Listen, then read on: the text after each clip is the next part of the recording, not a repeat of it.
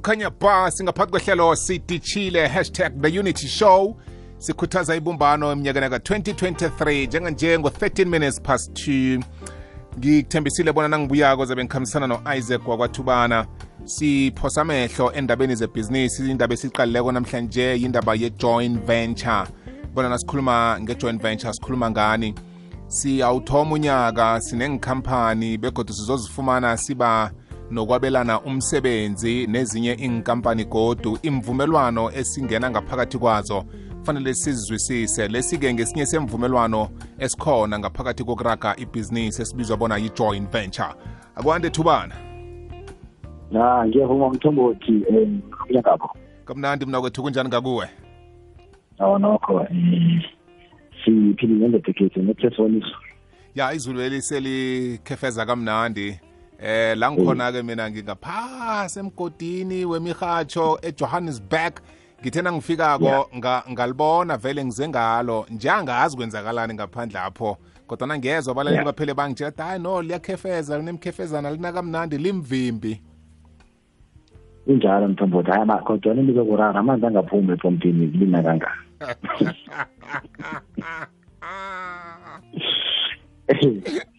Ya ukhulume ukhulume njengomlaleli eh thubana ngikuzwile izulu liyana kodwana amanzi awaphumi epompini Kanti kwenzakalani?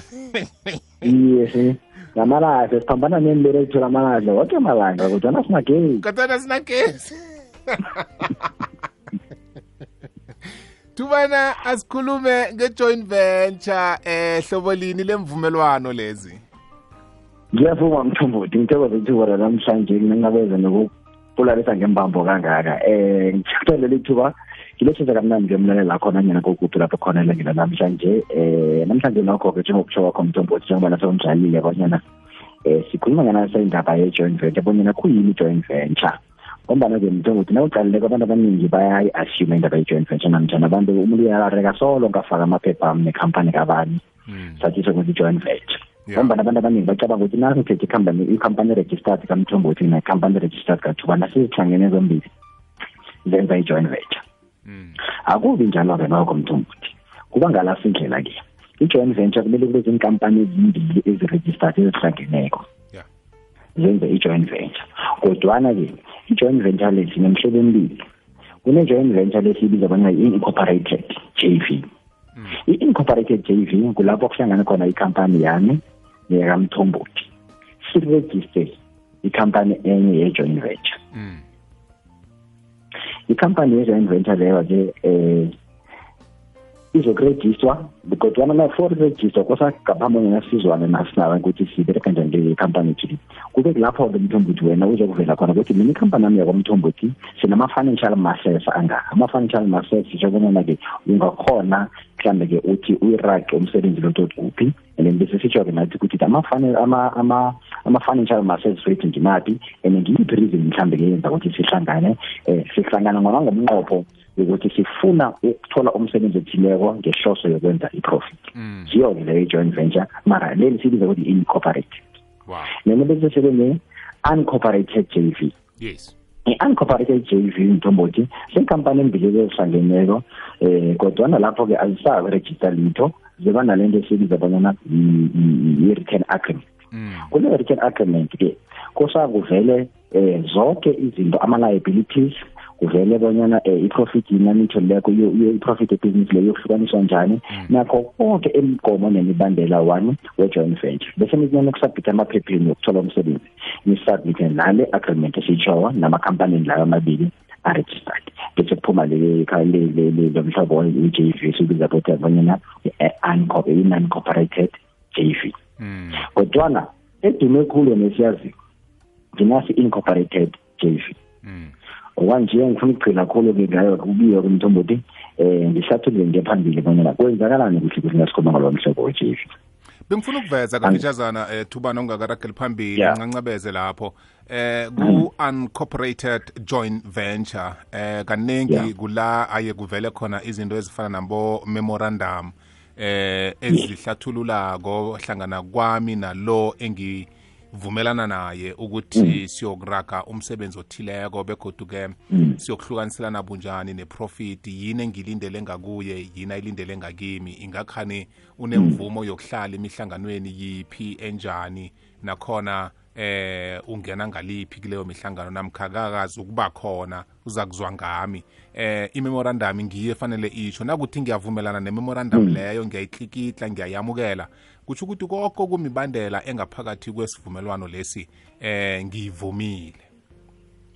Bethi ihloko mthombo wethi ngivumelana na-hundred percent lapho um ndodekile ngidlale kamnani wayicacisa kodwa ngileyo njengokutsho kwakho ngile sibiza ukuthi non-cooperated j v. Ya. Yeke-ke ake sicale i-incorporated j v bonyana-ke kuhle ukuthi ngimaphi ke mhlawumbe-ke um amaphepha afunekako. Kufuneka leyo khampani erejistiweko-ke njengobana ngijebile mthombothi bese eh kufuneke ne-b e e certificate yinye ye-j v le mm. Ngombana ukhumbule ikhampani kamthombothi ine-b e certificate yayo iyodwa mm. Yakathubana ine-b e certificate yayo iyodwa mm yeke-ke i-j v asisubmit ama-b e wekulayo kodwa kube nani ne-consolidated b e certificate? Mm.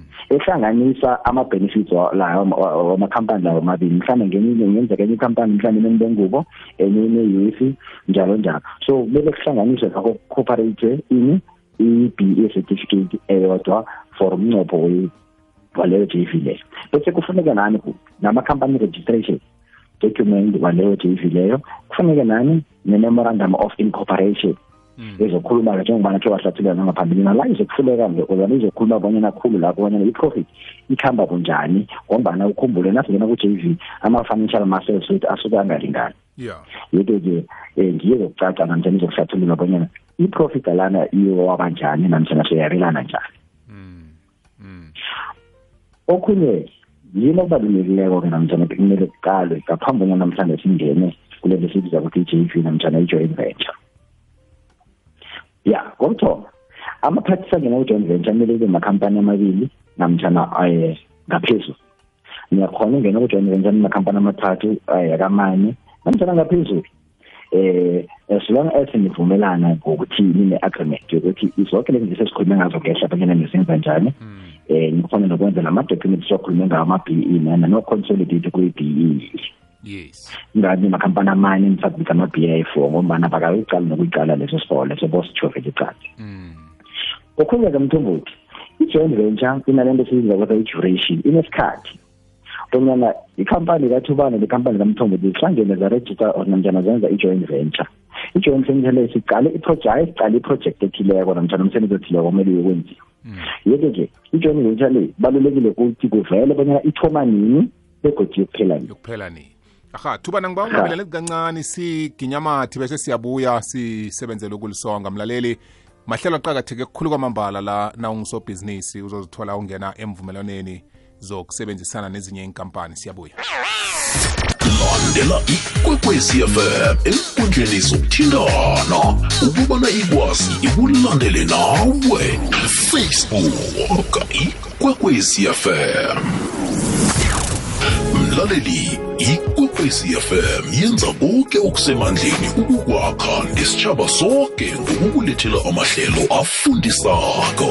Konke lokhu kungababulula ngombono nomfakela ovela kuwe ukuthi ikwekwezi fm ingakusebenzela njani ngcono njengomlaleli wayo. Sitlolela ngeposomoya ethi info at ikwekwecfm co za namkha enkundleni zethu zokuthintana zomrhatsho ikwekwecfm kukhanya ba.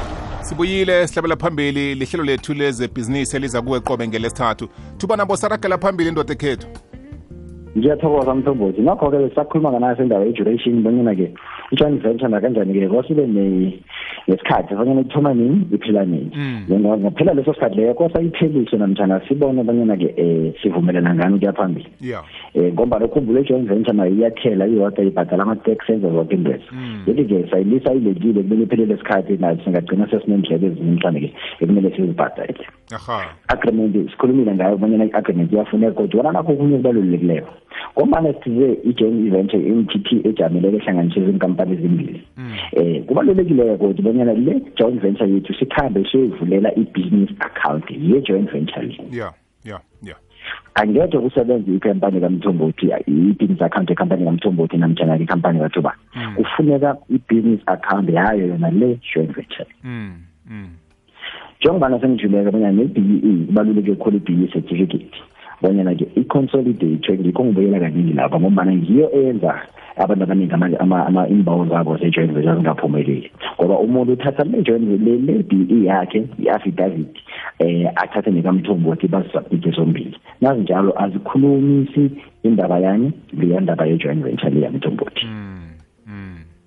Wow sifundo esikhulu-ke leso. Ngale kwalokho-ke thubana inkampani ngokuya kwazo ziba namaphuzu eziwabuthelelako ngokwemisebenzi emkhulu ezikwazileko ukuyenza. Sele singene ngaphakathi kwe-incorporated uh, joint venture. Kutsho khona ukuthi amaphuzu aza kufunyanwa zinkampani zombilezi bazokwazi ukuwasebenzisa ukuya phambili njengenkampani zabo eqadi ukuthi iye sakhe senze umsebenzi onje eh sibambisene nenkampani ethileko. Thina-ke ihlangothi besilenza bekungileli. Kodwana-ke nayifika ku-non corporated eh joint venture ngiyiphi ikhampani ethola amaphuzu lapho? Eh ngoba kubonakala kwangathi asikayitlolisi eh ikampani le ye-joint venture esisebenzela ngaphakathi kwayo. Ya ikhampani lena engakatloliswa um akuyikho ikhampani yokuthola amaphuzu lapha kuthi amaphuzu la siwalahlile umnqopho wethu besishova yini besifuna ukubenefita ngendlela ye-profit.